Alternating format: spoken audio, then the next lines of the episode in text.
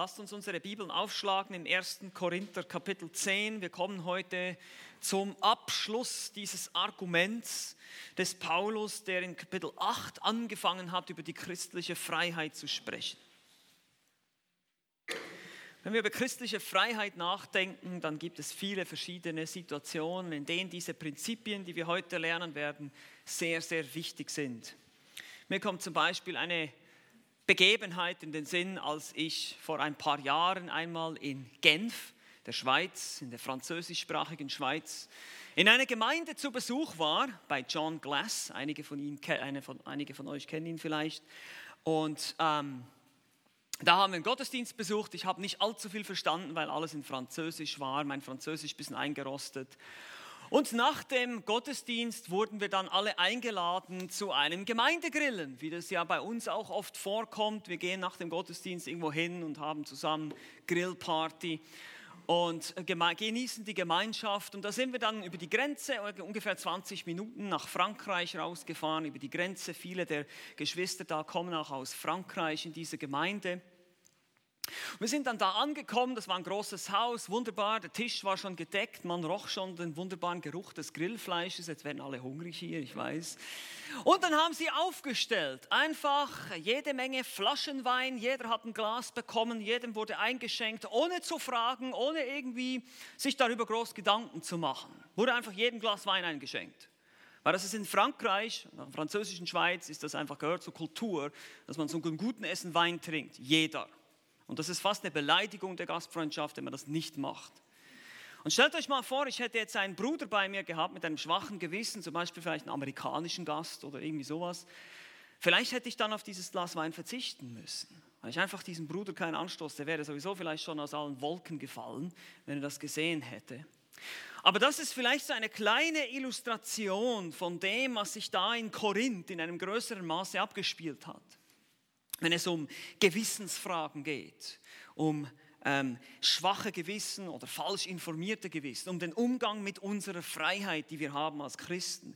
Ihr wisst, die Bibel verbietet betrunken sein, aber sie verbieten nicht generell den Genuss von Alkohol zum Beispiel.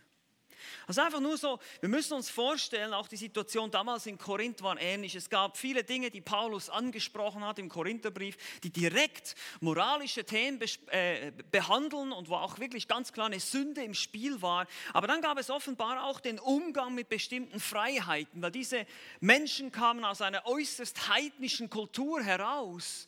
Und äh, dann stellten sich natürlich dann bestimmte Fragen. Wie sieht es jetzt aus mit dem? Darf ich das noch machen? Machen. Und, und auch heute ist es ähnlich. Ja, was darf ich denn nun als Christ und was darf ich nicht? Nun, das Problem mit dieser Herangehensweise ist schon, dass es ein bisschen falsch, die Frage falsch gestellt ist. Weil das Christentum ist nicht in erster Linie eine Religion, in der es nur darum geht zu definieren, was du jetzt darfst und was du nicht darfst. Es ist nicht so, dass Gott ein himmlischer Spielverderber ist, der es liebt, uns jeden Genuss und jedes, was irgendwie schön wäre, einfach zu missgönnen und zu sagen, nee, das darfst du nicht und das darfst du nicht. So müssen wir uns nicht vorstellen. Das ist eine falsche Vorstellung des Christentums. Ich hatte selber lange Jahre eine solche Vorstellung. Nun, in, in den, in, unter den Christen in Korinth war das Problem natürlich dann das, dass sie ihre Freiheiten zwar ausgelebt haben, sie haben es dann aber auf die Spitze getrieben. Sie haben es dann übertrieben mit ihrer Freiheit. Es ging dann nicht mehr um Grauzonen, sondern es ging dann wirklich in die Sünde hinein. Und sie waren so stolz und sie dachten von sich, dass sie so geistlich sind, dass sie einfach jetzt mit all diesen Dingen so wunderbar umgehen können, weil sie natürlich auch beeinflusst waren von ihrem griechischen Denken, von ihrer Kultur. Eben beispielsweise haben wir gesehen, in Kapitel 6 gab es einige aus der Gemeinde, die ohne ein Gewissen immer noch zu Prostituierten gingen in den Tempel. Das war überhaupt kein Problem für die, weil es war Teil ihrer Kultur. Oder eben auch in Kapitel 8 8 geht es dann um diese, diesen Verzehr des Götzenopfers. Ein Götzenopferfleisch. Und wir können heute natürlich damit nicht viel anfangen. Ja, bei uns in unserer Gesellschaft gibt es nicht irgendwo im Aldi hier Aktion heute Götzenopferfleisch zum halben Preis oder irgendwie sowas. Also wir haben diese Situation nicht, aber wir können Prinzipien davon ableiten, die wir auch heute anwenden können. Und das ist das, was so hilfreich ist an diesem Text. Und das ist das, was diesen ganzen Abschnitt von Kapitel 8 bis Kapitel 10, was eigentlich ein einziges Thema behandelt, für uns so interessant macht. Weil Paulus legt hier die Prinzipien oder gibt uns die Prinzipien, wie wir als Christen in einer äußerst heidnischen Umgebung leben können, wie wir in einer äußerst unmoralischen Gesellschaft leben können, ohne dass diese unmoralische Gesellschaft uns total beeinflusst als Gemeinde dass die Kultur in die Gemeinde kommt und uns beeinflusst, aber auch, dass wir trotzdem in christlicher Freiheit leben dürfen und nicht aus Angst und Bange durch die Welt gehen müssen und denken, hinter jedem Metzgertisch versteckt sich ein Dämon, ja, oder jede Salbe, die ich jetzt benutze, könnte homöopathisch sein und da könnte auch irgendein Geist drin sein, das darf ich da nicht anwenden und so weiter und also in Angst leben und in Gesetzlichkeit.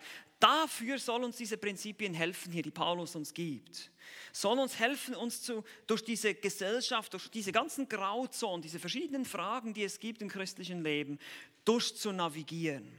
Wie gesagt, die Korinther waren rücksichtslos, sie nahmen das als eine Lizenz zum Sündigen. Paulus muss sie korrigieren, muss sie erstmal über ihre Erkenntnis belehren und sagen, ja, ihr habt recht, ihr habt viel Erkenntnis, aber passt auf, Erkenntnis bläht auf.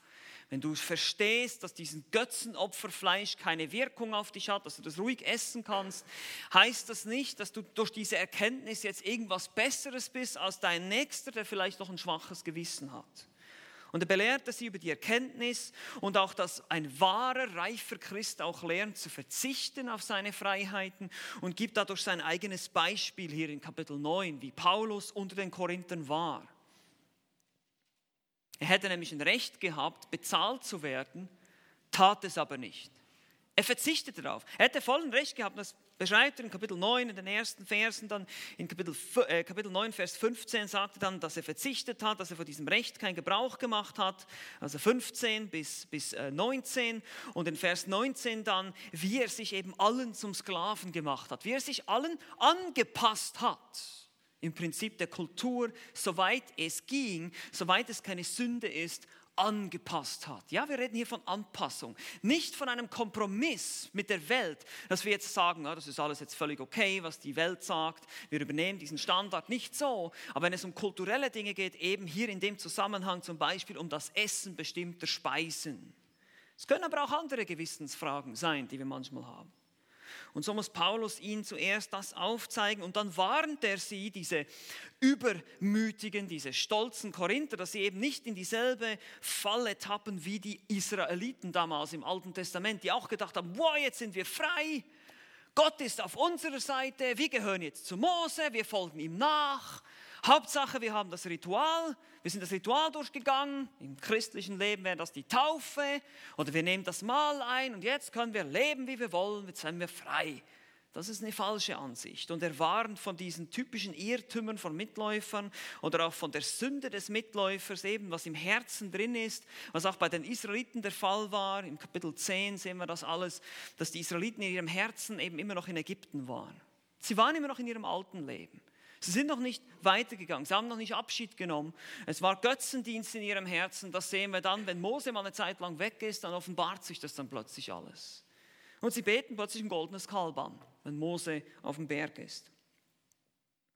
Und so dreht sich alles im Prinzip um diese Frage der Freiheit hier in diesem Kapitel 8, 9 und 10. Wo wir schon verschiedene andere Themen auch daraus sehen konnten, ist das ein einziges großes Argument. In Vers 13 im Kapitel 10 gibt er dann noch die Ermutigung für die Versuchten, eben, dass man das kann, dass man gewissen Versuchungen, wie zum Beispiel dem Götzendienst, den er dann auch noch anspricht, in Kapitel 10, Vers 14 bis 22, was wir letztes Mal angeschaut haben, dass man dem wirklich widerstehen kann und sollte. Dass wir als Christen den Heiligen Geist haben und die Kraft haben, der Sünde zu widerstehen. Aber wir haben auch die Fähigkeit, die Freiheiten, die Gott uns gegeben hat, richtig auszuleben. Und das ist das, was jetzt eigentlich als Schlussfolgerung kommt hier in dem ganzen Argument.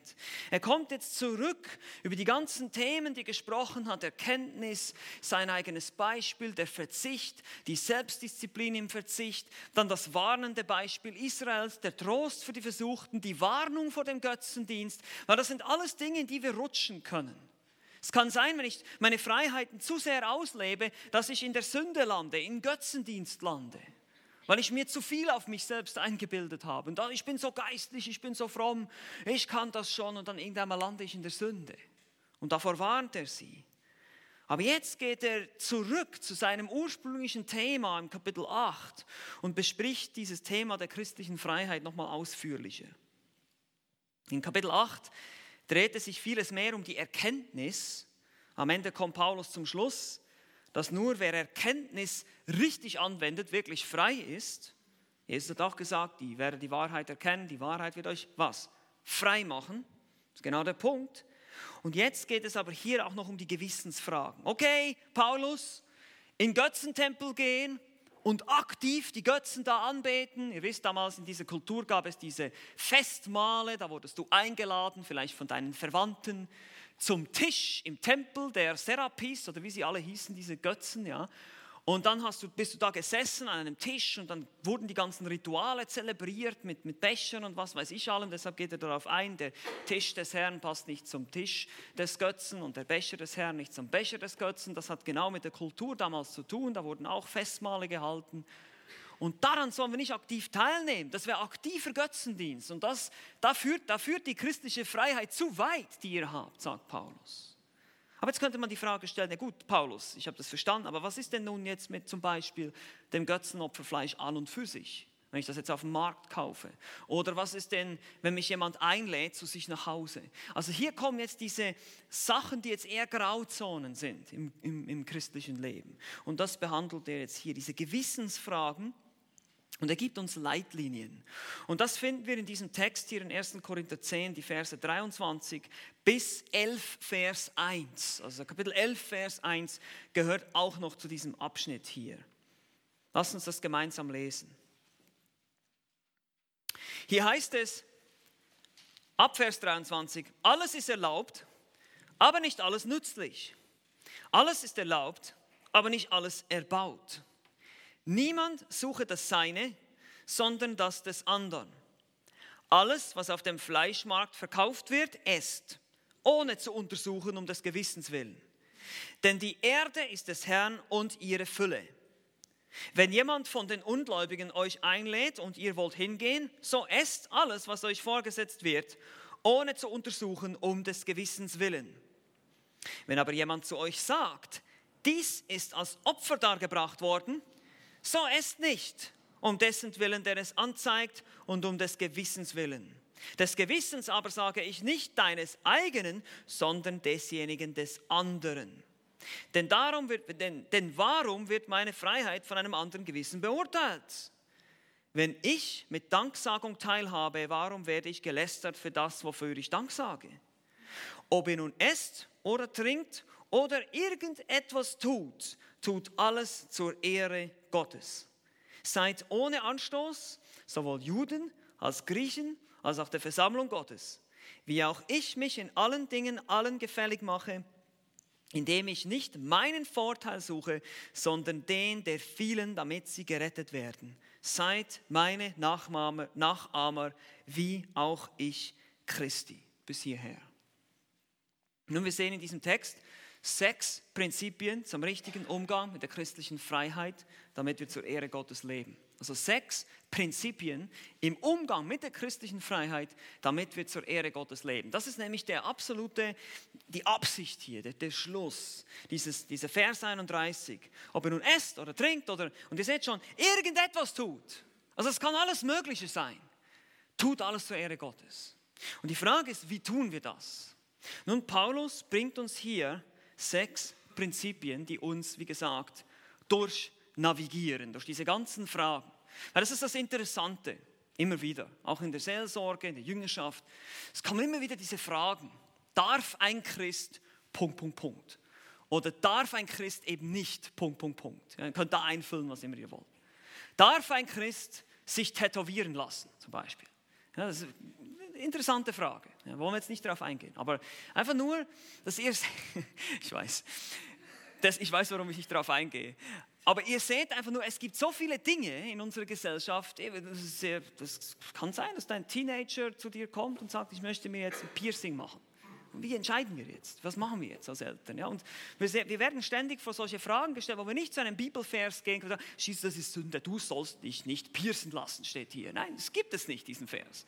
Und deshalb müssen wir vorsichtig sein. Aber es gibt Prinzipien, die uns helfen, eine richtige Entscheidung zu treffen, die auch vor allem unsere Motive ansprechen, unsere Herzenseinstellung, warum wir bestimmte Dinge tun, warum wir vielleicht unbedingt bestimmte Freiheiten ausleben wollen und warum das dann auch zum Beispiel falsch oder richtig sein kann. Lass uns das anschauen. Also erstes Prinzip hier aus dem Text heißt Erbauung vor Genuss. Das sind immer Prinzipien etwas vor etwas anderem. Das ist ganz einfach heute. Das erste ist Erbauung vor Genuss. Das ist Vers 23. Hier heißt es in Vers 23, alles ist erlaubt, aber nicht alles ist nützlich. Alles ist erlaubt, aber nicht alles erbaut. Manche Übersetzungen sagen auch, alles ist mir erlaubt, aber das ist eine Textvariante. Hier der bessere Text ist generell formuliert. Alles ist erlaubt. Das ist jetzt die allgemeine Aussage, aber nicht alles ist nützlich. Und Paulus erwähnt nochmal den Slogan, der wahrscheinlich ein Slogan der Korinther war, ein, ein, Motto, ein Wort, das die Korinther wahrscheinlich ständig zitiert haben. Man sieht es in Kapitel 6, Vers 12 in Bezug auf die, die Prostituierten, der Gang zum Tempel, da zu den Tempelprostituierten, haben sie auch gesagt, alles ist erlaubt. Und das war so ihr, ihr, ihr Motto für die christliche Freiheit. Aber Paulus grenzt das jetzt ein bisschen ein korrigiert das. Er hat das schon da gemacht, im Kapitel 6, und hier wiederholt er dieses Prinzip jetzt nochmal und sagt, es ist alles erlaubt, aber es ist nicht alles nützlich. Es, ist nicht, es, es erbaut nicht alles. Und deshalb Erbauung vor Genuss ist ein Prinzip hier. Seht ihr das? Das nützlich hat auch mit Erbauen zu tun. Nützlich bedeutet zum Vorteil sein, eben hilfreich oder erbaulich. Erbauen wird oft im Zusammenhang von Belehren benutzt, zum Beispiel in Kapitel 14, Vers 17. Wenn jemand in Sprachen redet, aber niemand übersetzt das, dann ist das nicht erbaulich, das ist nicht hilfreich, das belehrt nicht, das bringt uns geistlich nicht weiter. Und deshalb, prinzipiell darfst du als Christ alles genießen. Und ich mache jetzt das alles hier mal in Klammern, natürlich außer Sünde. Außer die, wir reden jetzt hier nicht mehr von Dingen, die eindeutig Sünde sind, sondern wir reden jetzt hier von alles im Sinne von alle Grauzonen, alles, was es sonst so gibt, noch, wo wir eben nicht so sicher sind. Und da sagt Paulus, alles ist erlaubt, aber es ist nicht alles nützlich, erbaulich oder bringt uns oder andere weiter. Hier ist es generell formuliert, wir werden dann noch sehen, es geht dann auch um den anderen vor allem, aber hier ist es auch mal für mich selbst. Ist es denn für mich erbaulich? Ist es denn für mich sinnvoll? Ist es denn für mich lehrreich? Sozusagen, verherrlicht es Gott in mir? Kann ich damit Gott verherrlichen? Eben, wenn ich irgendwas tue, tue ich das, kann ich das zur Ehre Gottes tun, was ich da tun will? Diese Frage kann ich mir immer stellen. Das kann mir immer helfen, schon mal eine erste Entscheidung zu treffen, ob es wohl sinnvoll ist oder weniger sinnvoll, dieses oder jenes jetzt zu tun. Also das erste Prinzip hier ist ganz klar, Erbauung kommt vor Genuss. Erbauung ist das Weiterbringen des anderen im geistlichen Wachstum oder auch das Weiterbringen meiner selbst im geistlichen Wachstum. Es geht um einen Lebensstil als Christ, durch den ich entweder andere oder mich erbaue, dass ich geistlich wachse und dass auch andere geistlich wachsen. Und deshalb stell dir die Frage, wenn ich das jetzt tue, wird es mir geistlich etwas bringen? Kann ich damit Gott dienen zum Beispiel? Ist es nützlich? Ist es hilfreich oder nicht? Zum Beispiel sollte ich diesen Film jetzt anschauen mit meinen Geschwistern. Wird es sie erbauen oder nicht? Oder eben jetzt an die Situation in Genf denken, sollte ich dieses Glas Wein jetzt genießen, wenn dann ein schwacher Bruder zuguckt oder sollte ich es nicht tun? Das sind einfach praktische Beispiele. Also Erbauung kommt vor Genuss. Zweites Prinzip. Zweites Prinzip. Andere vor mir. Ja, wir haben schon gesagt, Erbauung kommt vor Genuss. Jetzt kommt andere vor mir. Das ist Vers 24. Wir lesen das nochmal. Hier heißt es, niemand suche das Seine, sondern das des anderen. Und hier ist ein ganz wichtiger Punkt. Als Christ lebst du nicht mehr für dich selbst, sondern du lebst für die anderen.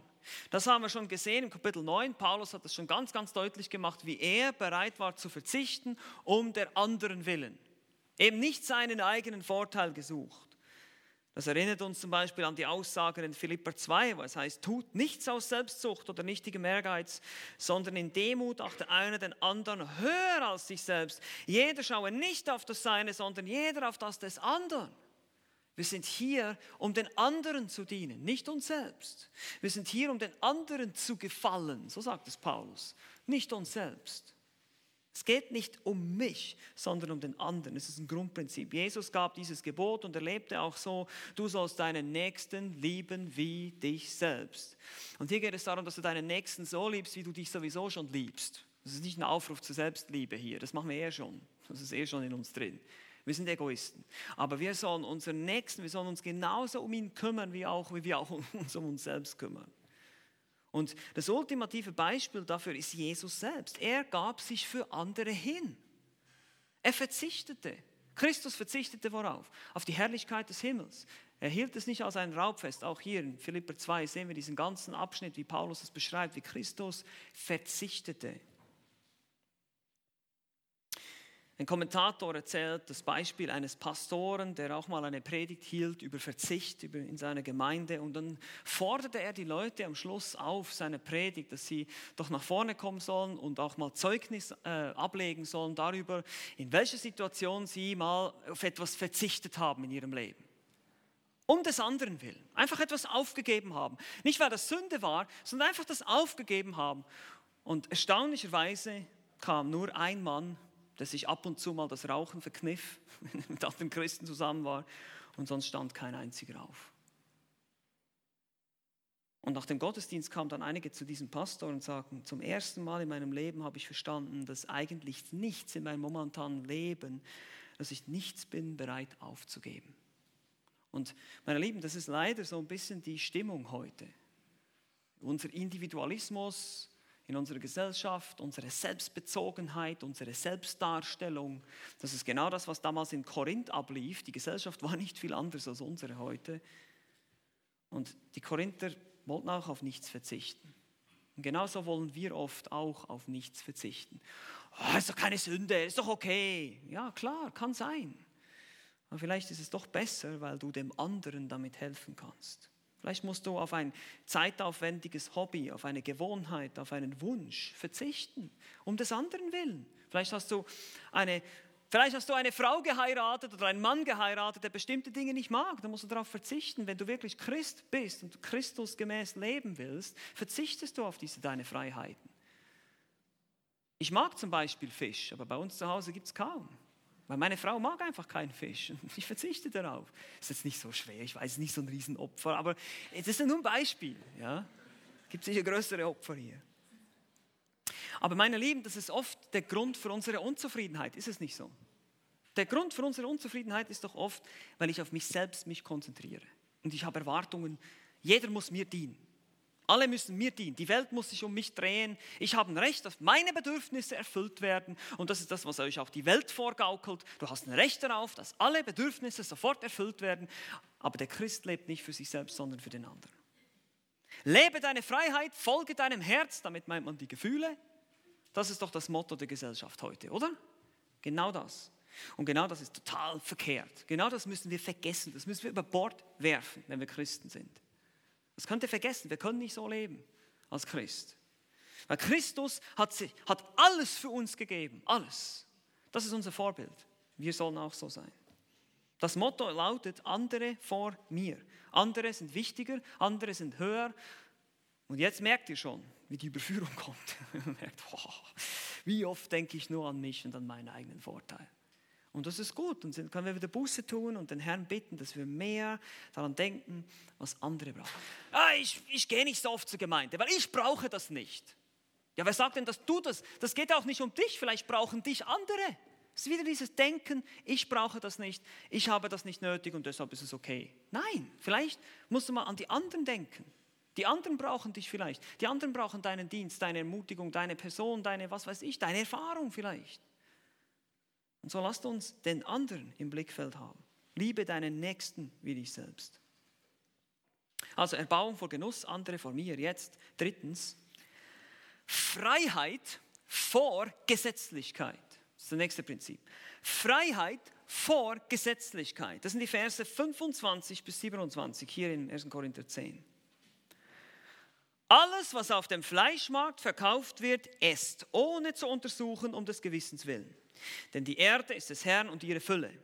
Wenn jemand von den Ungläubigen euch einlädt und ihr wollt hingehen, so esst alles, was euch vorgesetzt wird, ohne zu untersuchen, um des Gewissens willen. In einem gewissen Sinn der Ausgleich zum vorherigen Prinzip hier. Wir haben gesehen, wir sollen dem Nächsten gefallen, wir sollen den anderen lieben, den anderen dienen, den anderen höher achten. Und jetzt kommt der Ausgleich. Das Wohlergehen des Nächsten ist mein Wunsch oder mein Ziel. Die Rücksicht auch auf sein Gewissen, das kommt dann noch. Aber nicht unbedingt alle seine Ansichten und seine Werte und seine Ideen. Versteht ihr das? Das heißt nicht, dass ich einfach ein Sklave all seiner Ansichten werden muss und einfach alles so glauben muss, wie er das glaubt, weil er nämlich vielleicht ein falsch informiertes Gewissen hat und vielleicht wirklich übertreibt, wirklich extrem ist, gesetzlich ist. Und deshalb benutzt Paulus hier das Beispiel der Fleischmärkte in Korinth, weil das das Thema war bei den Korinthern. Wie gesagt, bei uns heute sind es andere Themen. Und wie gesagt, er erwartet hier das Argument, okay, wir gehen nicht in den Götzentempel, wir können nicht aktiv Götzendienst betreiben. Aber was ist mit den Fleischmärkten? Weil fast das meiste Fleisch, das da verkauft wird, kommt aus diesen Götzentempeln. Das wurde diesen Götzen geopfert und dann wurde es verkauft. Und Paulus Rat hier ist, forscht nicht nach. Untersucht nicht. Belastet euer Gewissen nicht unnötig. Esst es einfach. Genießt es. Es ist keine Sünde. Nun, das Gewissen ist das Echo der Stimme Gottes, hat mal jemand gesagt. Es ist uns gegeben worden als ein Alarmsystem sozusagen, um uns darauf aufmerksam zu machen, dass wir im Begriff sind, irgendwas moralisch Falsches zu tun. Aber es ist nicht perfekt. Das Gewissen muss richtig informiert werden durch das Wort Gottes. Das heißt, unser Gewissen kann entweder abgestumpft sein, dann funktioniert es nicht richtig, oder überempfindlich sein. Eben, dass es auf alles Mögliche reagiert so wie zum Beispiel das Immunsystem eines Allergikers, das völlig auf Dinge reagiert. Ich reagiere zum Beispiel auf irgendwelche Pollen, das sind ja überhaupt keine schädlichen Dinge für meinen Körper. Mein Körper reagiert, als hätte er irgendwie Schnupfen oder Bakterien, irgendwas. Und so kann es sein, dass unser Gewissen auch total überempfindlich ist und, oh, das ist ein Schlagzeug und oh, da kommen Dämonen raus und oh, Panik, ja. Solche Sachen. Oder eben der andere hat einfach mit gar nichts ein Problem und stumpft sein Gewissen total ab und ja, macht einfach hier und da und dort. Und lebt, wie er will. Das Gewissen muss richtig informiert sein. Aber hier ist wichtig, das Gewissen kann falsch informiert sein und deshalb kann es falsche Gesetzlichkeiten in die Welt setzen und dir dann sozusagen als, als Christ die Freiheit nehmen. Das, die, das Gewissen des anderen oder auch die Gesetzlichkeit der anderen können deine Freiheiten einschränken, das sollen sie nicht. Das Prinzip hier ist, Freiheit kommt vor Gesetzlichkeit. Wir sind frei als Christen. Du darfst alles tun, wenn die Bibel es nicht verbietet. Im Prinzip ist hier der Punkt, den Paulus macht. Wir haben das gesehen. Wie gesagt, der aktive Götzendienst ist verboten, aber das Fleisch, das da verkauft wird, das kannst du essen. Da musst du nicht mal nachforschen. Woher das jetzt genau kommt, ob das jetzt mit umweltfreundlichem Papier eingepackt ist oder irgendwie so ein Zeug. Nein, du darfst einfach essen. Okay? Die Dinge, die die Schrift nicht verbietet. Im Prinzip sagt Paulus, was ich nicht weiß, macht mich nicht heiß. Das ist das, was Paulus hier sagt. Esst es ohne nachzuforschen, ohne euch unnötig zu belasten. Und dann zitiert er Psalm 24, Vers 1, die Erde ist des Herrn und ihre Fülle. Gott hat das alles geschaffen zum Genuss. Was denkt ihr, wofür Gott das alles gemacht hat? Wofür es da ist? Auch das Fleisch vom Fleischmarkt. Alle Dinge sind von ihm und für ihn. Heißt es in 1. Korinther 8, 6, eben diese Erkenntnisse, die einige Korinther ja schon hatten. Wir haben richtig gesehen, es gibt keine Götzen, es gibt nur den einen wahren Gott, alles kommt von ihm. Nichts, was von außen in den Menschen hineinkommt, macht ihn unrein, das hat Jesus gesagt in Markus 7, 18. Alles, was Gott geschaffen hat, ist gut und nicht verwerflich, heißt es in 1 Timotheus 4, 4. Das ist alles gut. Es gibt nur einen Gott und der hat alles gemacht und er hat auch über alles die Macht. Das ist das Prinzip. Okay, Paulus. Aber was ist denn jetzt, wenn ich von einem Ungläubigen eingeladen werde? Was mache ich dann? Wenn ich dann zu ihm nach Hause, nicht zum Götzentempel, das ist natürlich, hat Paulus schon gesagt, das ist verboten, aber wenn ich eingeladen werde nach Hause, nun, was ist die Antwort hier? Klar, ja. Geh hin, wenn du willst. Wie gesagt, das ist hier nicht ein Gebot, du musst nicht. Paulus formuliert es nicht als Gebot, sondern er sagt einfach nur, wenn ihr hingehen wollt. Vers 27, wenn jemand von den Ungläubigen euch einlädt und ihr wollt hingehen. Mit anderen Worten, ja, du hast die Freiheit, Bruder, klar, geh nur dahin und sei ein Zeugnis für den Herrn, weil die Ungläubigen müssen ja irgendwie in Kontakt treten mit uns. Und wenn wir uns von allem zurückziehen und nee, da gehe ich nicht hin und mit dem esse ich nicht und das rühre ich nicht an, dann können wir auch kein Zeugnis sein. Dann haben wir ein Problem. Dann sind wir keine Missionare, dann sind wir Mönche. Im Kloster sperren wir uns ein. Das ist das Missverständnis der Mönche im Mittelalter, ja, dass sie gedacht haben, wir müssen uns von der Welt isolieren. Das heißt, wir müssen uns einfach einsperren in Mauern. Das Problem ist nur, ihr Herz, ihr Fleisch nahmen sie mit, ihre Sünde. Hat nichts gebracht. Wie gesagt, es ist eine Erlaubnis hier. Die Freiheit kommt vor Gesetzlichkeit, das ist der Punkt. Der Punkt ist, genießt eure Freiheit. Galater 5,1. Für die Freiheit hat Christus uns frei gemacht. Steht nun fest und lasst euch nicht wieder unter ein Joch der Knechtschaft beugen. Lasst euch nicht wieder irgendwelche Vorschriften von irgendwelchen Leuten, sei das aus den Juden oder aus den Heiden oder wo auch sonst immer, auferlegen. Lasst euch das nicht tun. Lasst euch das nicht antun. Genieß dein Schinkensandwich oder dein Schweinesteak oder was immer du genießt die Ehre ist des Herrn, was ihr füllt. Nichts ist unrein an und für sich. Lasst euch von niemandem erzählen, ihr dürft kein Schweinefleisch essen als Christen. Das ist, das, das, ist, das ist der alte Bund, ja, haben wir schon behandelt. Und meistens kommen sich diese Leute, das ist ja ganz interessant, meistens kommen sich diese Leute auch ganz fromm vor. Ja, ich, ich rühre das nicht an, weißt du. Ich bin dann ganz besonders fromm. Oder auf der anderen Seite, ja, ich habe kein Problem damit. Die leben ihre Freiheiten so extrem aus, dass sie sich dann besonders fromm vorkommen. Und dann gibt es die unzähligen Argumente, ich trage keinen Schmuck, ich höre keine Rockmusik, ich mache dieses nicht, ich mache jenes nicht. Wo steht das in der Bibel? Wir müssen uns leiten lassen von den Prinzipien, die Paulus uns gibt. Auch neuartige Gesetzlichkeiten, neuartige Ideen von der sogenannten Wissenschaft, die der Irrtum von morgen ist. Ja, denkt man diese ganzen Ernährungstheorien, wo ich zum ersten Mal gehört habe, Milch sei ungesund. Ich meine, erzähl mal einem Schweizer, dass Milch ungesund ist. Ich meine, das Schweizer Volk müsste schon lange ausgestorben sein, wenn das wahr wäre.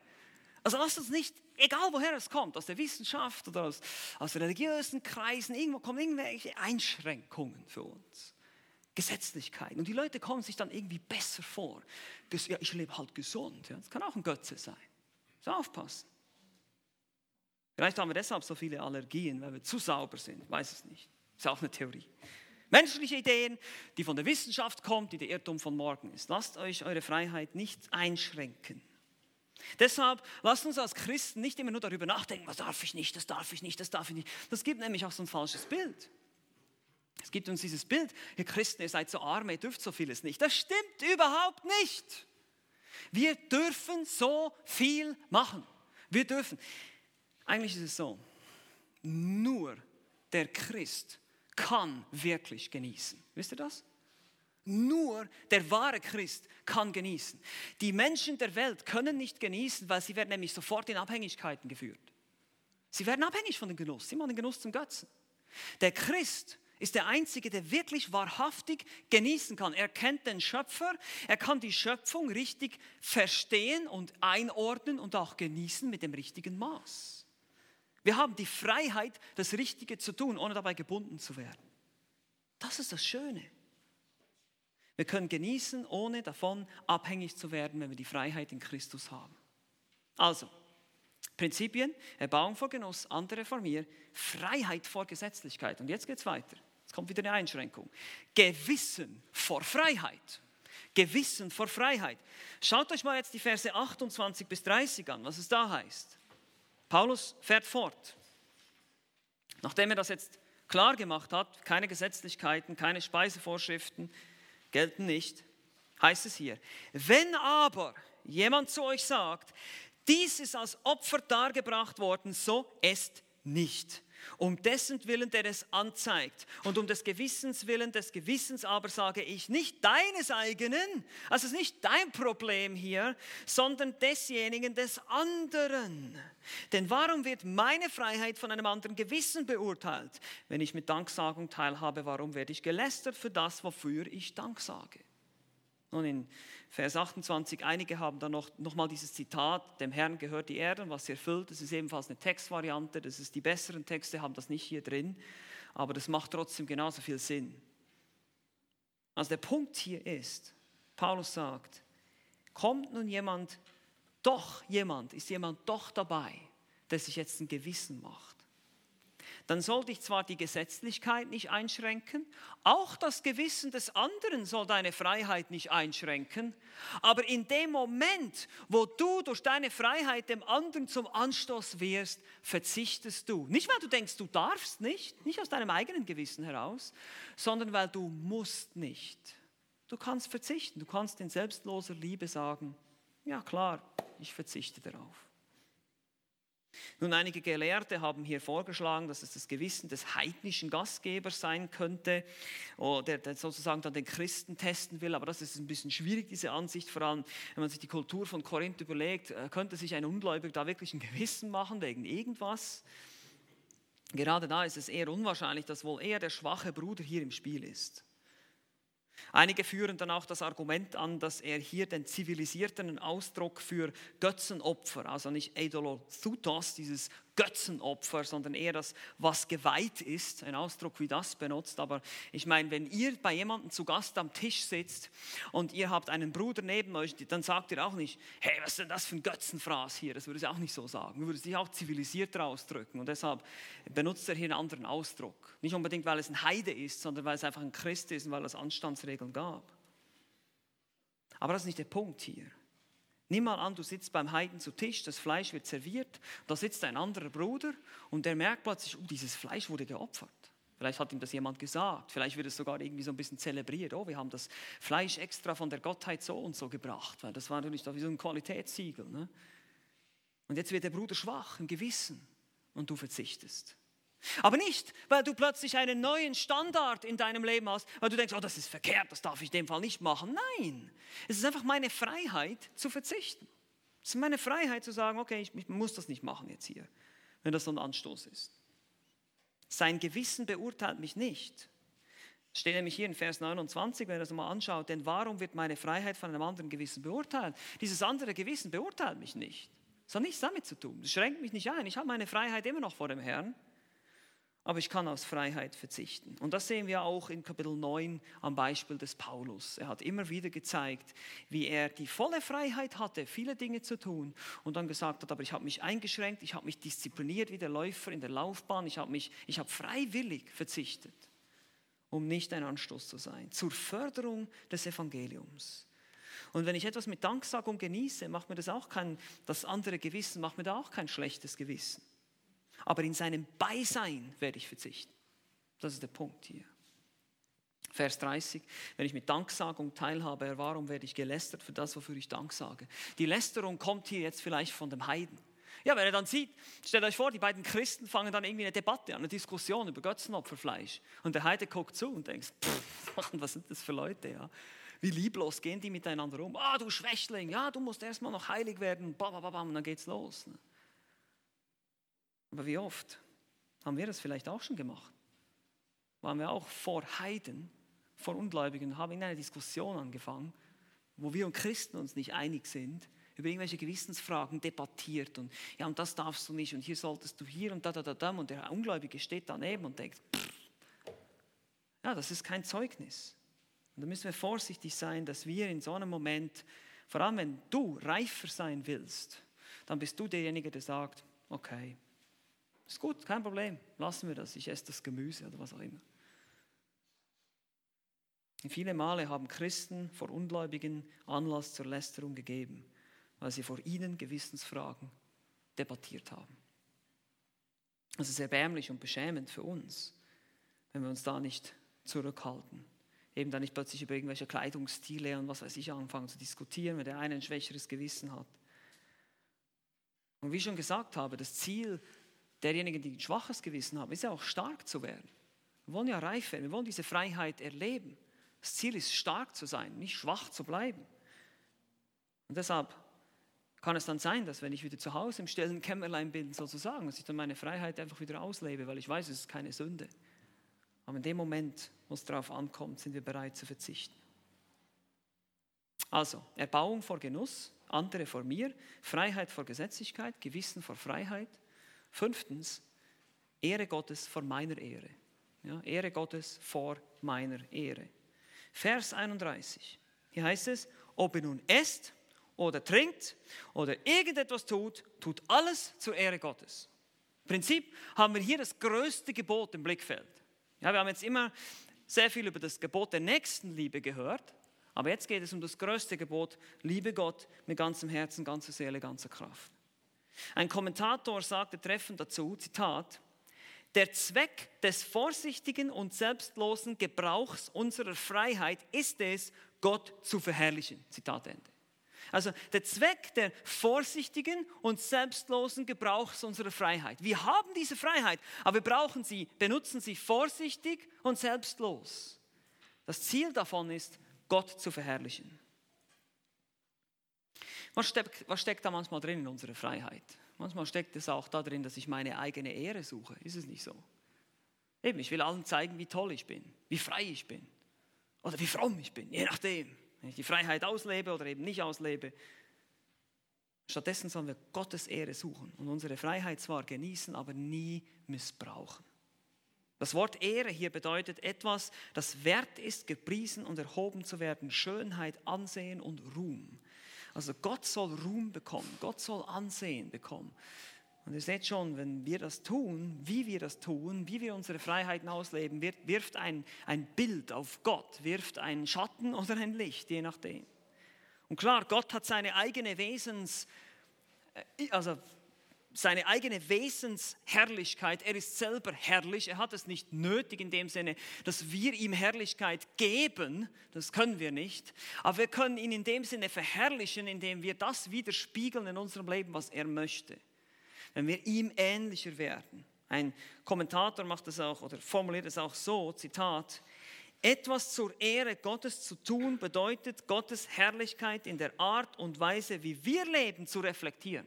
Also es geht darum, dass ich wie so ein Spiegel werde, eine Reflexion von den herrlichen Eigenschaften Gottes, dann lebe ich zu Gottes Ehre.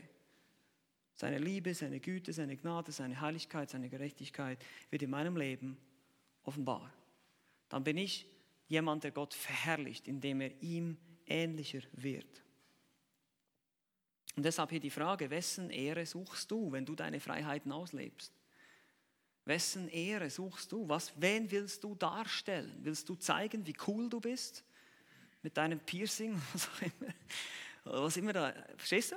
Das, das, sind genau die Dinge, die wir uns dann überlegen müssen. Was will ich darstellen? Wen, auf wen will ich die Aufmerksamkeit lenken? Durch meine Kleidung oder durch mein Können oder durch was auch immer. Was immer es ist. Will ich meine Ehre suchen oder suche ich wirklich Gott zu verherrlichen? Will ich anderen zeigen, wie fromm ich bin oder wie frei ich bin oder habe ich wirklich Gott im Blickfeld? Ihr kennt diese Aussage, die habe ich schon oft gehört, ah, damit habe ich kein Problem als Christ. Das ist eine so egoistische Aussage. Damit hast du kein Problem. Ja, als ob du der einzige Maßstab wärst, um den sich alles dreht hier. Leute, es gibt eine ganze Gemeinde um dich herum und du solltest, deine Geschwister sind wichtiger als du. Es geht dir nicht um dich. Und da geht es auch noch um Gott und nicht um dich. Vielleicht hat Gott ein Problem damit. Dann interessiert es ihn nicht, ob du, ob du kein Problem hast damit. Wir müssen richtig denken hier.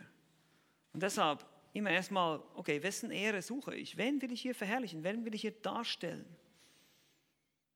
Ich denke auch an die, an die ganzen sozialen Medien, was wir da posten. Was stellen wir da dar? Stellen wir uns dar? Ja, das, ist, das sind aktuelle Themen hier.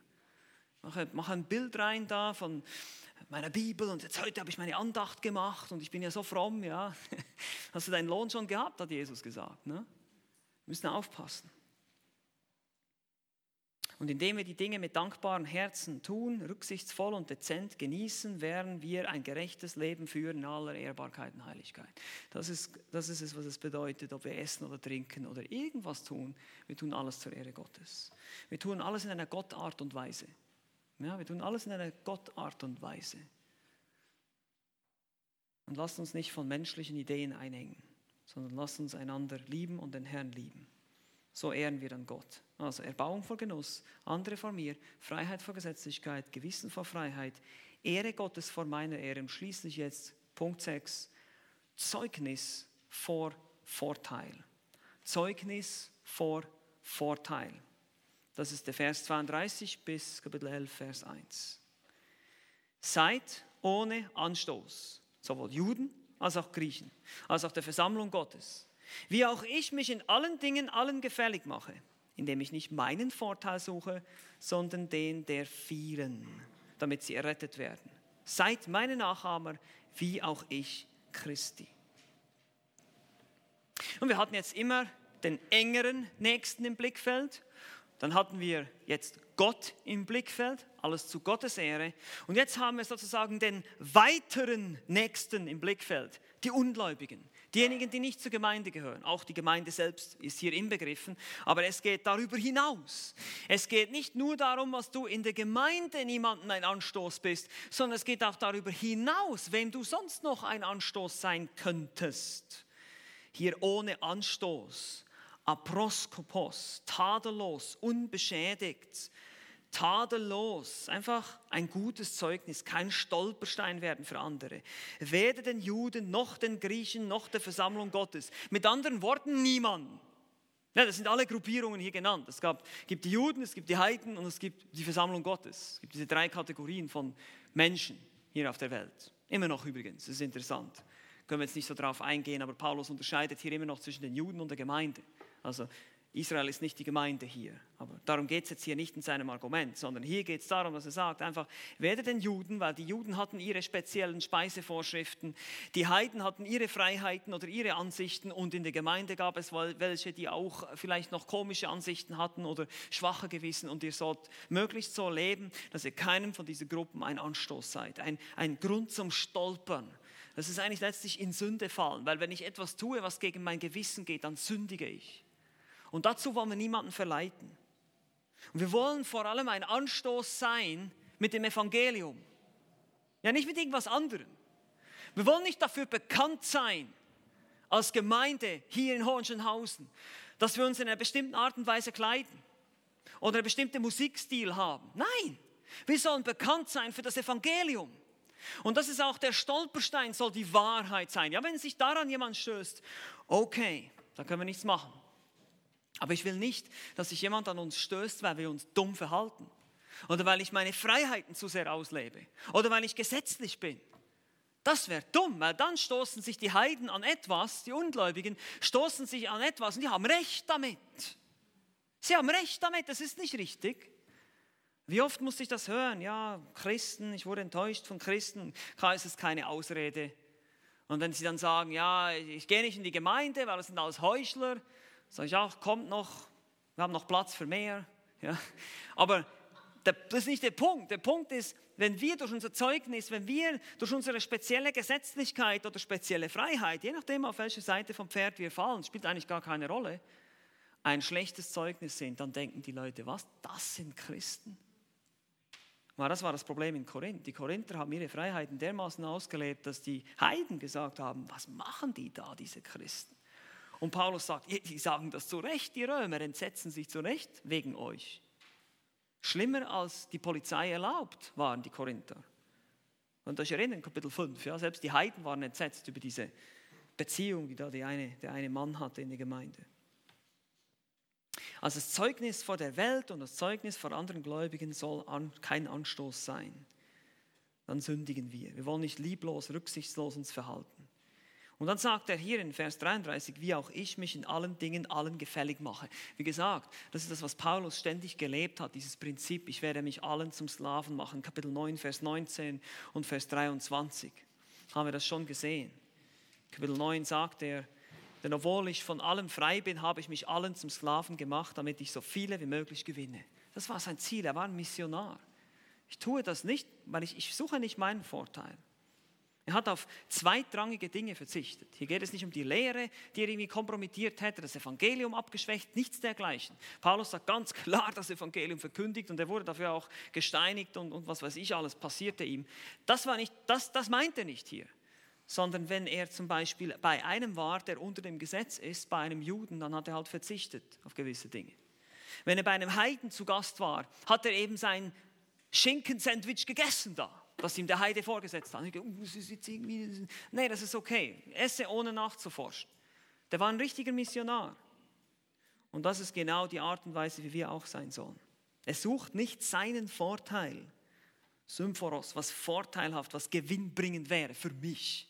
Das ist nicht das, was ich suche, sondern ich will, dass andere gerettet werden, heißt es hier in Vers 33, damit sie Christus im Glauben ergreifen. Ich will kein Hindernis sein durch meinen Leichtsinn oder durch meine falschen Vorstellungen. Und deshalb sagt er am Schluss auch, seid meine Nachahmer. Hier der Vers 1 in Kapitel 11 gehört eindeutig noch zu diesem Abschnitt. Hier ist die Kapiteleinteilung irgendwie völlig äh, daneben. Er sagt hier, seid meine Nachahmer, wie ich das gemacht habe. Das ist, so hat er sein Argument angefangen in Kapitel 9 und so endet er es jetzt. In Kapitel 9 hat er ihm gezeigt, wie er war, was sein Beispiel war. Und hier in Kapitel 11 sagt er, wisst ihr, warum ich das tue? Weil ich ahme Christus nach und deshalb könnt ihr mich nachahmen. Mimetes von Mimik, also nachahmen. Jemand, der etwas nachmacht. Sie sollten seinem Vorbild folgen. Also Zeugnis vor Vorteil ist das letzte Prinzip hier. Selbstlos hat Christus verzichtet auf all seine Rechte und wir sollten das genau so tun. Einmal mehr denke ich ans, an das Zeugnis, an mein Vorbild, an dein Vorbild, sei das gegenüber schwächeren Glaubensgeschwistern, aber auch an gegenüber der Welt. Denke daran, suche nicht deinen Vorteil, sondern suche ein Zeugnis zu sein. Und wenn nötig, verzichten wir auf bestimmte Freiheiten. Wie gehen wir also richtig um mit unserer christlichen Freiheit? Wir haben gesehen, diese ganzen Prinzipien, Erbauung vor Genuss, andere vor mir, Freiheit vor Gesetzlichkeit, Gewissen vor Freiheit, Ehre Gottes vor meiner Ehre, Zeugnis vor Vorteil. Wir haben den anderen im Blick, sein Gewissen haben wir im Blick aus Rücksicht, aber es beurteilt nicht meine Freiheit, nicht mein Wertesystem. Und doch wollen wir alles tun, um ein Zeugnis zu sein für die Welt, für die Juden und die Heiden, für die schwächeren Geschwister, aber auch zur Ehre Gottes zu leben. Wir brauchen eine ausgewogene Herangehensweise, wenn wir unsere christliche Freiheiten ausleben wollen.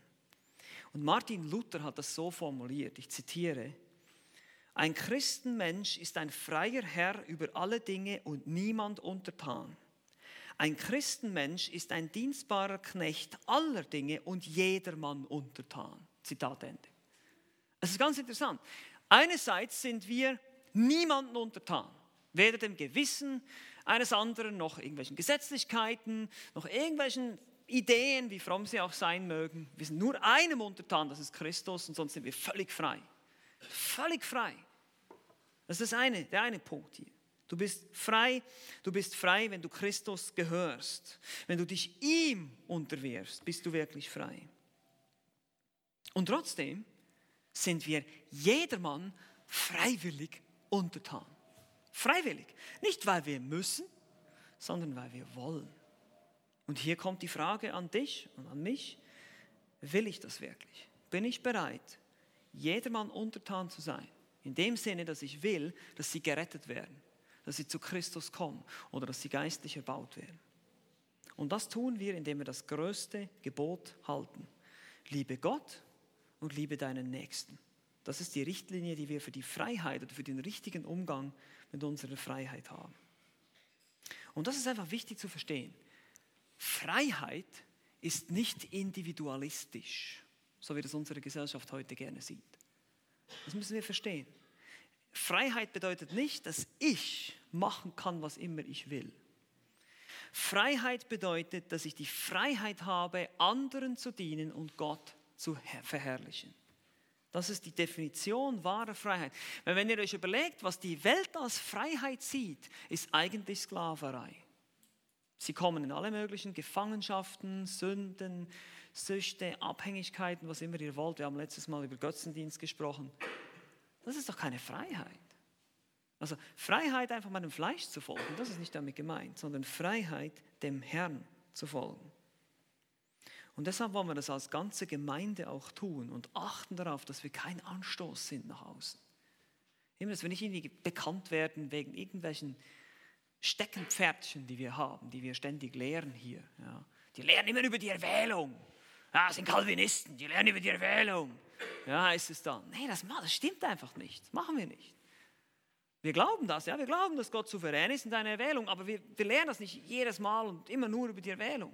Und so haben wir kein Steckenpferdchen, so werden wir nicht bekannt durch irgendwelche Lieblingsthemen oder Lieblingssitten und Gebräuche, sondern wir wollen dadurch bekannt werden, dass wir alle das tun, was hier im Kapitel 11, Vers 1 steht. Wir wollen Nachahmer Christi sein, ihm nachfolgen. Wir folgen auch nicht irgendwelchen Theologen nach, wir folgen Christus nach. Und deshalb, was immer wir tun, ob wir essen oder trinken oder sonst etwas tun, tut alles zur Ehre Gottes. Amen. Amen. Lass uns noch beten zusammen.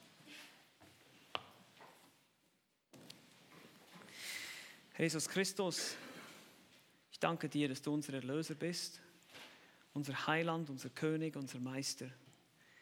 Und danke auch für dein wunderbares Vorbild, weil du hast gezeigt, was es heißt, Freiheit zu leben. Wahre Freiheit in Abhängigkeit von deinem Vater, im Gehorsam gegenüber den Geboten. Und doch hast du Dinge genossen, als du hier auf der Erde warst, hast die Schöpfung genießen können. Die Pharisäer haben dich sogar Weinsäufer und Schlemmer genannt deswegen. Herr, aber wir wissen, dass du richtig damit umgegangen bist, mit diesen Freiheiten und es nicht ausgenutzt hast zu deinem eigenen Vorteil, sondern du hast dich selbst gegeben für uns, damit wir Vergebung unserer Sünde haben können. Danke, dass du uns frei gemacht hast von Zwängen, von Gesetzlichkeiten, aber auch von der Macht der Sünde und dass du uns hilfst, diese Freiheit richtig umzugehen.